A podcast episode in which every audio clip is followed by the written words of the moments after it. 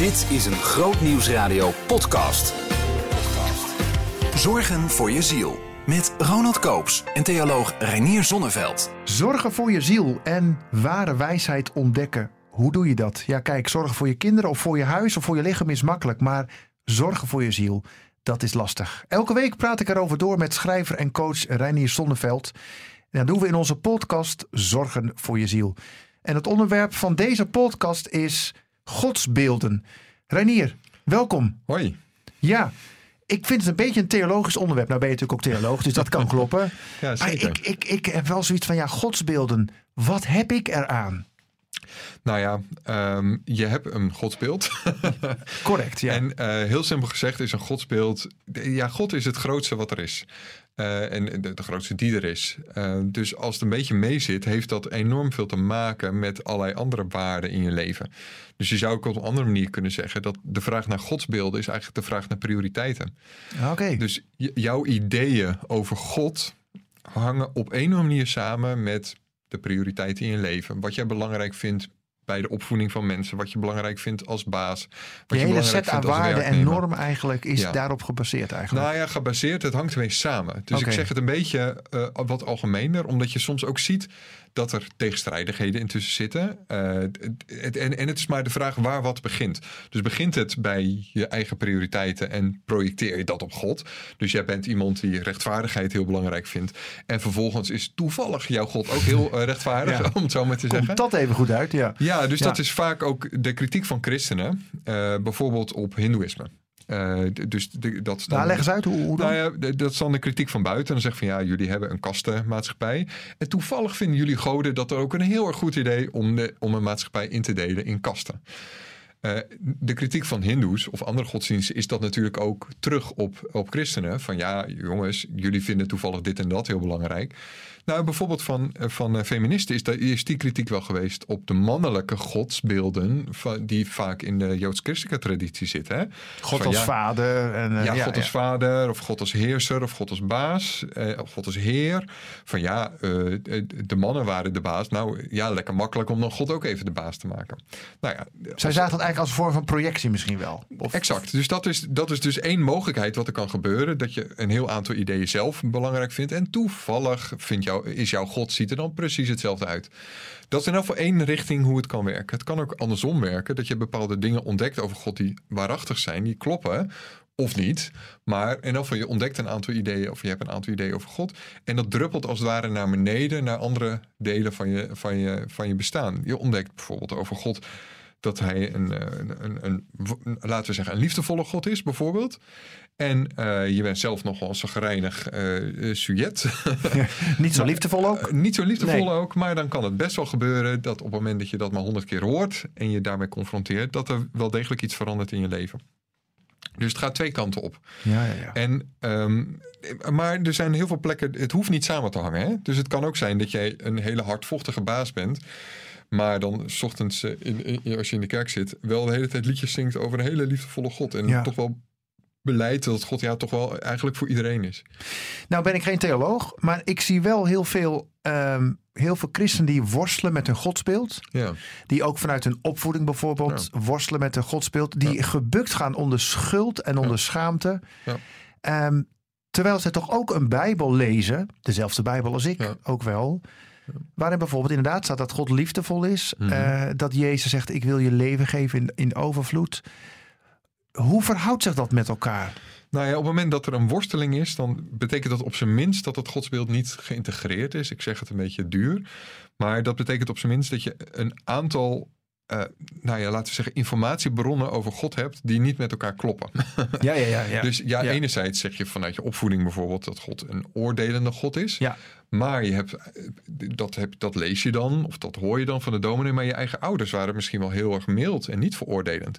En dat vind je eigenlijk veel idealer. Of, en zo wil je misschien ook wel met je eigen kinderen omgaan. Of je hebt een baas of een tante of een oom gehad die juist heel mild was. En je denkt, ja, dat is eigenlijk veel mooier.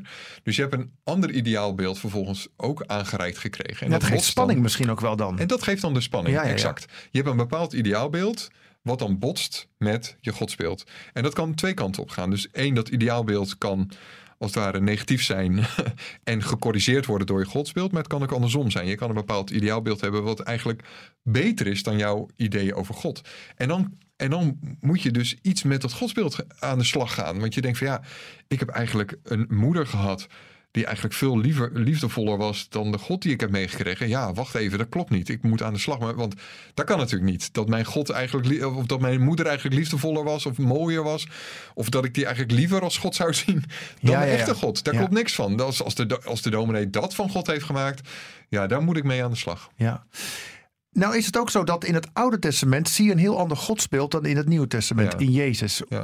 Ik zie een soort soms een beetje een discrepantie daartussen. Nou ja, soms een beetje een discrepantie. Eh, een beetje dat- veel misschien wel. Ja, ik, dat is wel een van de vragen die ik op als ik een meer theologische lezing geef, dan, dan eh, krijg ik daar de meeste vragen over. Dat is wat enorm veel speelt. Dat is echt, echt een probleem voor mensen. En Ja. misschien wel op dit moment voor kerkenmensen wel, wel e- een van hun grootste belemmeringen om de Bijbel te lezen. Omdat je inderdaad. Nou ja, laat ik een. la- Laat ik even terug, inderdaad helemaal teruggaan naar de kern. Wat we als christenen, we zijn als christenen heel divers. Eh, dus Ja, sowieso. Heel divers. eh, Van, van eh, de vrijzinnigen tot, tot super-orthodoxe. Weet je wel, we vinden heel veel dingen. Maar wat we allemaal delen, is de overtuiging dat als God op iemand lijkt, dan lijkt hij op Jezus. Om het zo maar Ja, te zeggen. ja, ja. Jezus is Gods zoon.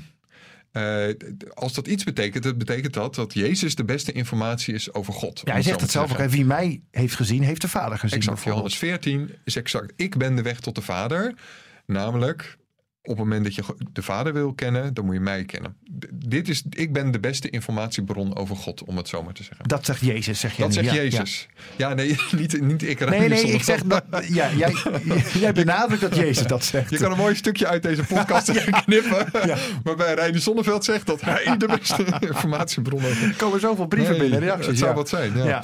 Nee, maar je, eigenlijk zeg jij, als je, naar God, als je God wil leren kennen, Ja. Moet je naar het plaatje van de Heer Jezus kijken. Om het Exact. even zo... eh, Ja, zeker. Dus, dus op het moment dat je, dan ga je de verhalen over Jezus leren en dan leer je God kennen.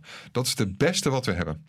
Veel beter dan elke redenering of bijbeltekst of, of preek of wat dan ook. Jezus. Maar, dat is maar de kun je dat wel zeggen en het Oude Testament laten staan? Want dat ja. lijkt me zo lastig. Exact, dan heb je dus een probleem. Eh, bijvoorbeeld, laten we kijken naar, eh, weet ik veel, een voorbeeld Jericho. Eh Joshua, ehm, je zou kunnen zeggen de eerste Jezus, omdat de, de naam Joshua eh, klinkt hetzelfde als Jezus in, in de oorspronkelijke Ja, Yeshua, tekst. hè? volgens mij, hè? Ja. Yeshua. Yeshua, ja. Dus de eerste Yeshua, die komt in, eh, die komt in Jericho. Wat doet hij? Die loopt er zeven keer omheen en, en, en moordt de boel uit. eh, om het heel simpel te zeggen. De muren storten in en uh, moord uit. De tweede Yeshua, Jezus, komt nadat Jericho ook. Maar wat doet hij? Hij, hij ontmoet uh, Zacchaeus, nodigt zich bij hem uit en zegt: Ook voor jou is de bekering mogelijk en een nieuw leven mogelijk. Ja, Dus terwijl hij te boek stond als een tollenaar en iedereen had een hekel Exact. aan hem. Dus ja. precies het tegenovergestelde. Precies het tegenovergestelde. Dus dan heb je een probleem. In het Oude Testament wordt dit over God beweerd. Namelijk, God is blijkbaar iemand die dan de eerste Yeshua de opdracht geeft. Om, om de, de muren te laten ineenstorten. En, en de, de mensen daaruit te roeien. En de tweede doet eigenlijk het tegenovergestelde. Die redt mensen. Ja. Die redt mensen. En Ja. Jezus is nie- iemand die nooit iemand uitroeit. Die nooit iemand ziekte toewenst of, of ziek maakt of wat dan ook. Dus ja, probleem. Het- speelt op heel veel concrete manieren. Hè. We, we zitten natuurlijk midden in die, eh, in die coronacrisis. Aan het begin van de coronacrisis was er gelukkig maar een klein percentage. 1 à 2 procent van de christenen bleek uit onderzoek. Die zeiden, ja, dit is een straf van God. Oh ja, ja, ja. Nou ja, dan heb je dus een bewering over God. En wat doe je dan dus als Dat is eigenlijk een godsbeeld dus ook. dat is een godsbeeld, Indirect zeker. dan, ja. nou, indirect, dat is Ja. recht voor zijn raap, gewoon een godsbeeld. En wat doe je dan dus? Er wordt iets beweerd over God. En wat doe je dan als christelijke denker? Dan zeg je, oké, mijn eerste vraag is dan altijd, past dit bij Jezus? Als er iets over God wordt beweerd, wat dan ook, God is goed, God is dit, God straft, dan ga ik als eerste me afvragen, zou Jezus het ook kunnen doen? Ja, ja, Past ja. dit bij Jezus? Stel, ik kan ik me dit voorstellen bij Jezus? Nou ja, dus als, op het moment dat iemand beweert, ja, corona is een straf van God. Oké, kan ik me dat eigenlijk voorstellen bij Jezus? kan ik me eigenlijk voorstellen Ja. bij Jezus dat Jezus corona stuurt en dan heel veel mensen ziek maakt? Nou, eigenlijk, Eigenlijk niet. Nee, Nee, nee. eigenlijk niet. Gewoon Nee. helemaal. Nee. Het is gewoon ondenkbaar. Het enige wat Jezus hier doet op aarde is mensen genezen. Hij stuurt nooit ziekte, hij geneest mensen. Het punt is dus, ehm, op het moment dat er. Een, en, en wat die mensen dus uh, beweren. Als, om bewijs te leveren voor die stelling dat, dat God uh, kan straffen. En met ja, ja. de corona-straf komen ze dus aan, te, aan met teksten uit het Oude Testament.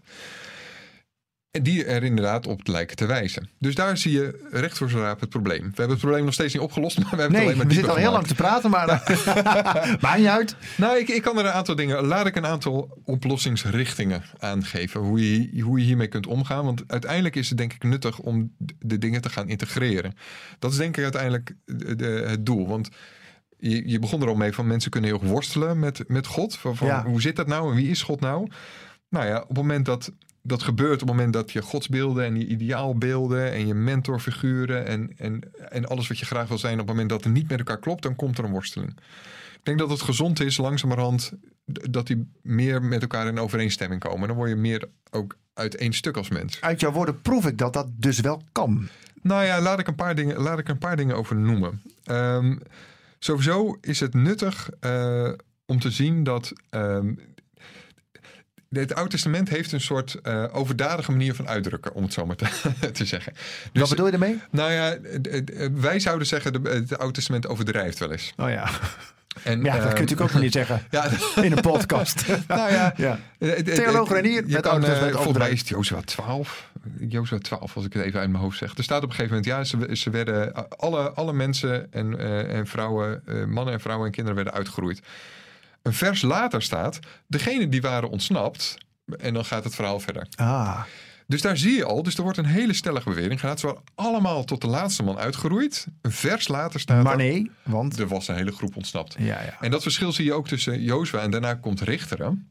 Dus Jozua beweert, er zijn allemaal mensen uitgeroeid en dit en dat en dat zijn uit. Het, hele, het, het, land is bevrijd. Volgens gaat Richteren er feitelijk over dat het halve land nog vol met Canaanieten zit.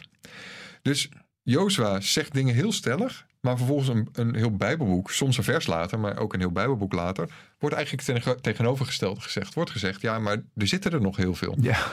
Dus blijkbaar heeft het Oude Testament, zoals heel gebruikelijk in die context is, gewoon een hele stoere manier van uitdrukken en zeggen van, ja, ze werden met man en man uitgeroeid, maar was de praktijk wel eens wat anders. Dat is ieder één manier om er naartoe te kijken.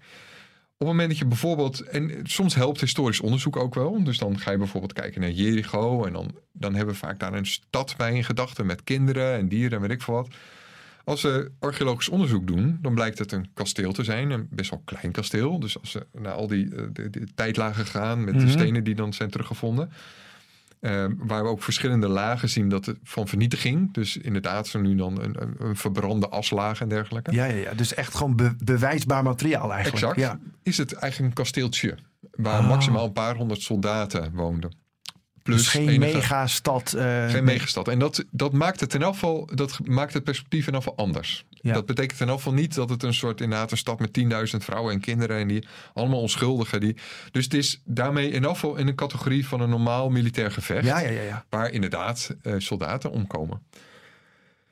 Maar ik denk dat je er daarmee nog niet komt. Want dan is het wel degelijk natuurlijk nog aan de hand dat ja, er, gaan mensen dood. En dat, dat zie ik Jezus ook nooit doen. mensen doden. Hij ziet, ik zie hem alleen maar mensen genezen. Dus het, sowieso kan het daardoor niet anders zijn dan dat wat er ook precies gebeurt.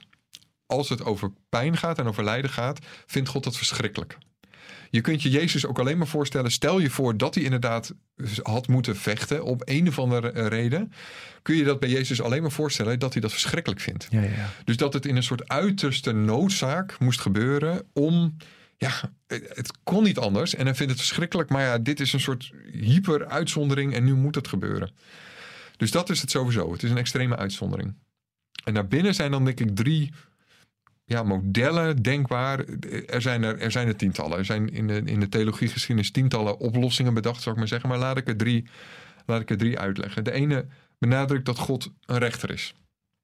Dus God, uh, dus deze... Een rechtvaardige rechter. Een rechtvaardige rechter. Ja.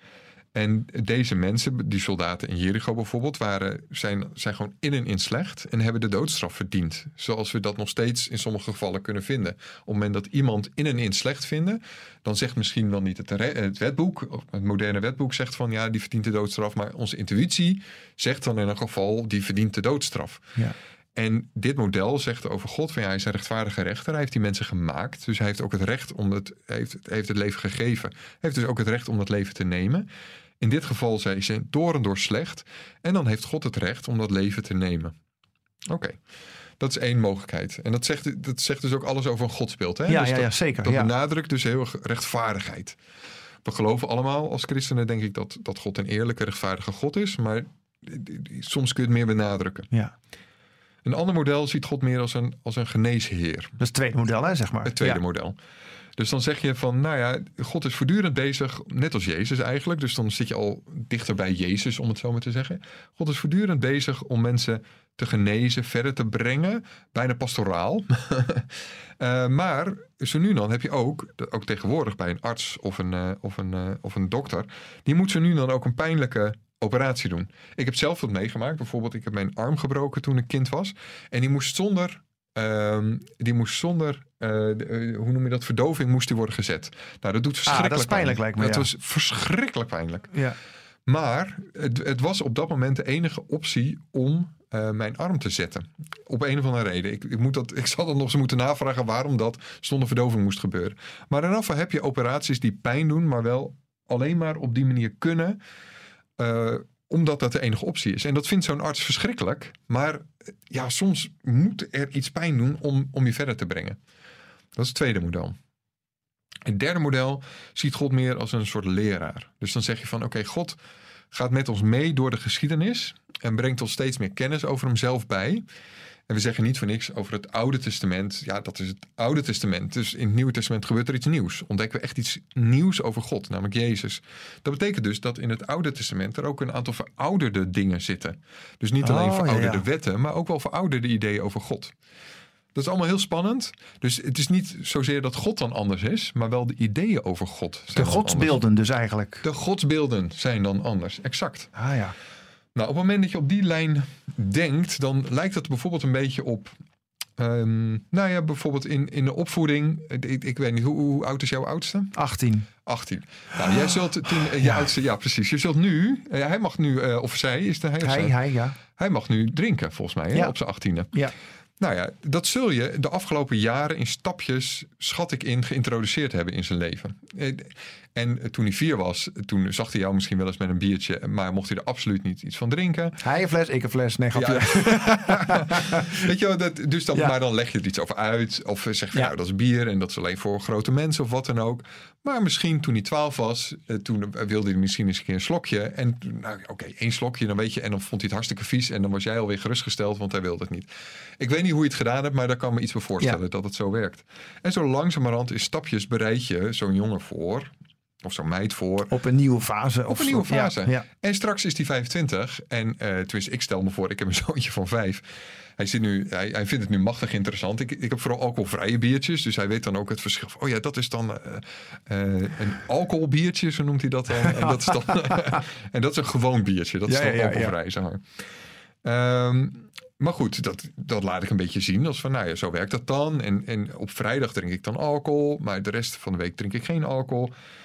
Maar ik neem aan dat ze- als, het- als die straks 20 is of 25, dan laat ik mijn whiskyverzameling zien. ja. En Oh, dan- dan kom ik ook eens langs Nou trouwens. ja, eh, precies. ja. Van harte welkom. Ja. En dan praat je daarover. En dus wat je ziet is dat door de tijd heen gaan we anders met elkaar om. Ja, ja, ja. In de opvoeding van een kind. En God gaat ook anders, denk ik, om. En dat zien we, want anders zouden we het niet het Oude Testament noemen. Gaat ook anders om met zijn volk. En leert langzamerhand om zijn volk met hem om te gaan. En tot uiteindelijk de ultieme openbaring komt, die de Christus is. Nou ja, daar, daar zit denk ik heel veel in deze modellen. hè. Dus enerzijds, God is een rechter. Rechter, eh, Een geneesheer of een leraar. en leraar. Dat zijn manieren om te kijken naar die, ja, die verschillen in de Bijbel en in de godsbeelden die we meekrijgen. En daarbij is denk ik nog een heel belangrijke indicatie van, van nou ja, en dat is eigenlijk gewoon een Bijbeltekst, wat, wat, wat, wat mij betreft een soort advies is om je, je godsbeeld te testen en ook te testen of de dominee een beetje het bij het rechte eind heeft. Dat is die, de uitspraak van Johannes, dat hij zegt, in de liefde is geen angst. Oh, die is mooi, ja. En dat is een, weet je, als Ook, God eh, liefde er staat is... ook niet, eh, daar is een beetje angst, maar geen angst gewoon. Geen angst. In de liefde is geen angst. En God is liefde. Hè? Dus het Ja. is niet. Dus het enige wat over God wordt gezegd, dat hij een zelfstandig naam wordt, dat hij is wordt gezegd. Er staat nergens dat God is macht of God is, Straf. eh, of- God is nee. straf of iets dergelijks. Nee. Het enige, het is veel logischer om te zeggen, Ja. God is liefdevol. Ja. Maar er staat God is liefde. God definieert de liefde. God is door en door liefde. Ja. Zoals we bij Christus ook hebben gezien. En even zijwegje, Psalm 117 ook zo mooi. Ja. Zijn liefde voor ons is overstelpend. Dat vind ik zo'n mooi woord. Exact. Overstelpend. En dat is, dat is als, als iemand de definitie van liefde is, dan is het dus overstelpend en altijd meer. En dat betekent dat er geen angst is. Op het moment dat iemand een godsbeeld introduceert waar toch stiekem angst komt, waar toch stiekem dreiging komt. Op het moment dat er dingen als macht spelen, op het moment dat je het gevoel hebt van ja, als ik niet Ja, als dan, weet je wel. als, als dan verhalen, Ja. eh, op, het moment dat jij, op het moment dat je niet naar de kerk komt, ja, dan kan het niet. Of eh, ja, nee, God gaat wel dat en dat en dat doen. Op het moment dat jij niet, dan weet je eigenlijk dat er iets niet klopt. Ja, ja, ja. In de liefde is geen angst. Zo, weet je, bij Jezus was geen angst, om het nog weer anders te zeggen. Dat zag je gebeuren. Dus, ik ben zelf heel erg veranderd door een uitspraak van Adrian Pless, die Nou, auteur, je misschien, Engelse auteur. En die had een zinnetje in een van zijn boeken. God is aardig en hij mag mij wel. nou, dat vond ik, toen ik het voor het eerst hoorde, zo apart. Ik kon het gewoon niet geloven. Maar langzamerhand ben ik dat gelukkig wel gaan geloven. Maar ik denk wel dat God zo naar ons kijkt. Ja, aardig is nog zachtjes uitgedrukt. Ja, en ik merk vaak dat, ze, dat de kritiek dan komt van... ja, dat ze, dat ze hartstikke soft en dat is een beetje lievig. God is wel liefde, maar God is niet lievig. Maar ik zou zeggen, wat is dan het alternatief? Wat is het alternatief? Het, het verrast me vaak dat dat er mensen zijn die dan je ervan beschuldigen... dat God dan te lievig wordt. En dat, Dat alles dan maar zomaar kan, En dat dan alles zomaar kan, dat daar toch stiekem weer angst om de hoek komt. Dus dat het dan niet over echte liefde gaat, maar dat er dan toch weer stiekem angst om de hoek komt. En dus ook controle meteen. En controle, En er komen dingen als, en- er komt oordeel, er komen machtspelletjes, er komt groepscontrole bijna ook altijd om de hoek kijken. Dus wat mensen dan eigenlijk bedoelen is, ja, jij, jij, jij zit nu een beetje de angst uit, uit je godsbeeld te halen. Ja, dat kunnen we niet zomaar hebben, want eh, dan verlies ik van alles en nog wat. Dus dat is wel, of dan verliest deze gemeenschap van alles en nog wat, dan verlies ik mijn controle, enzovoort, enzovoort. Dus wat er bij godsbeelden, juist omdat het, ja, er is geen groter woord dan God. Er is geen groter, dus het is een enorm machtsmiddel. Ja. Dus bestaande machtsstructuren, om het zo maar eens te zeggen, bestaande gemeenschappen, hebben er enorm veel belang bij om maar een bepaald soort God hoog te houden. Die, die de machthebbers, en nu word ik een beetje een, eh, een, eh, een, een, een revolutionair om, om het zo maar te zeggen. Gelukkig Maar- zijn we door de tijd heen. Ja. Nee, grapje. Nee, ga verder. Nee, maar machthebbers hebben er belang bij om een bepaald soort God in het zadel te houden. Ja, ja, om het zo maar te zeggen. Want die, die constitueert, om het een beetje duur te zeggen, die houdt hun in het zadel. Op het moment dat, dat God maar bepaalde dingen doet en die machthebbers naar de mond praat, dan blijven zij wie ze zijn. En dan wordt veroordeeld wie zij lastig vinden en dan, wordt, en, en dan blijft het kliekje blijft hetzelfde. Ik zeg het nu een beetje revolutionair, maar zo, zo functioneert het vaak. Dat de mensen die eh, de touwtjes in handen hebben, hebben een voordeel bij een bepaald soort Ja. God. Nou, en daar, daar wordt het verdacht. Want er komt er ook altijd macht eh, om de hoek kijken. Er komt altijd angst om de hoek kijken. Er komen sociale structuren om de hoek kijken. En het is een, eh, als het ware een te makkelijke God voor de mensen die het al makkelijk hebben. Maar stel dat je nou wel in zo'n gemeenschap of kerk zit. Of stel dat je bent opgezadeld, zou ik Ja. bijna zeggen, met een godsbeeld wat totaal niet klopt. Ja. Hoe verander je zo'n godsbeeld dan? Dat is tamelijk ja. ingewikkeld. Ja, ik denk dus, eh, de ontdekking van het christendom is, God lijkt het meest op Jezus. Oké. Veel simpeler. En wat kan ik daar dan mee als ik Nou ja, met een dus- verkeerd godsbeeld zit? Je oefenen, je oefenen in, met de verhalen van Jezus. Gewoon die verhalen lezen. En elke keer denken van, ja, dit is, dit is hoe God met mij omgaat. Dit is hoe God met de mensen omgaat. Dit is hoe God gebeurt. Of hoe God dat kan je dus één op één spiegelen, zeg jij. De manier waarop Jezus met mensen Ja, omging. Hij is Gods zoon. Dus dat kun je één op één spiegelen. Wat daar gebeurt is hoe God met mensen omgaat.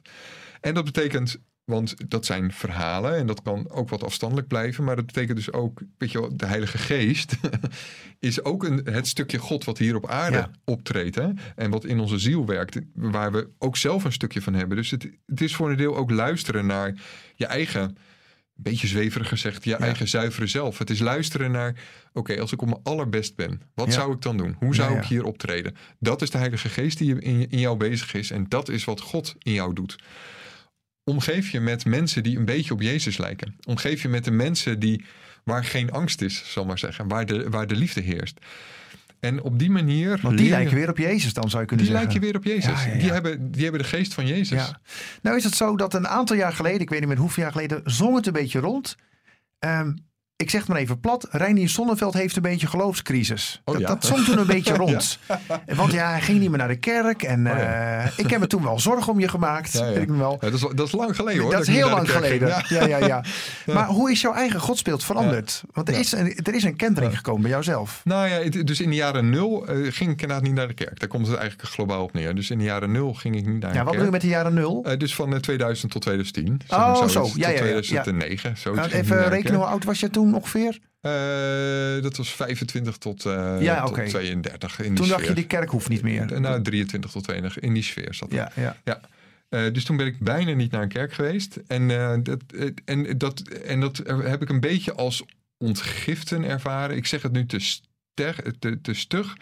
Maar wat er toen in ieder geval nodig was, is dat ik eh, een aantal beelden ging loslaten. Dat ik een aantal gedachtenpatroontjes die elke keer op dezelfde manier gingen, dat ik die langzamerhand leerde los Kun je te een voorbeeld doen van zo'n gedachtepatroon die bijvoorbeeld heel hardnekkig was en die je echt moest loslaten? Nou ja, wat een van de dingen die speelde, wat in mijn opvoeding heel belangrijk was, of niet zozeer mijn opvoeding, maar in, in de kerk waarin ik ben opgegroeid, eh, ging over uitverkiezing.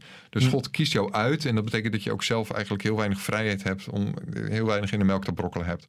Nou, dat levert een bepaald soort godsbeeld op. Eh, namelijk als God als een soort, ja, toch redelijk willekeurige bepaler van, nou ja, jij gelooft wel en jij gelooft niet. Bijna een soort van marionettenspeler of zo. Bijna Eh, marionettenspeler. Nou, dat duurt gewoon lang voordat je dat beeld uit je gedachten hebt. Ehm, ik moest kerk en geloof leren scheiden. De, de, de woorden die uit, maar automatisch komen, ja, dat, nou ja, ontgiften om het zo maar te zeggen. En even ontwennen. En vervolgens heb ik er zeker weer tien jaar over gedaan om langzamerhand, nou ja, dit zo op een oprechte manier puur te kunnen zeggen. God is liefde. En dat betekent dat in God geen angst is. En dat Ja, is ja. dus, dat is heel wat anders dan lievig. Ja, ja, ja. Nee, liefde kan ook, kan ook pittig zijn, dat kan, kan intens zijn, dat kan passioneel zijn, dat kan rechtvaardig zijn. Maar, maar dat is het. En op het moment dat er. Los van je gedrag, hè? Dat, Exact. dat vind ik een Exact. hele lastige. Ja, Want soms heb je een Ja. rotdag. En, je- en ik, vanuit mijn achtergrond, denk dan toch wel... Ja, maar als ik het niet goed doe, dan houdt God wel, God wel wat minder van mij Ja. of zo. ja. Dat is zo. En ja. God is liefde, dus hij kan niet anders dan van jou houden. Dat, Ja. is, dat is de grote ontdekking. Dat, dat zie je ook bij Jezus. God, Jezus kon niet anders dan van die mensen houden.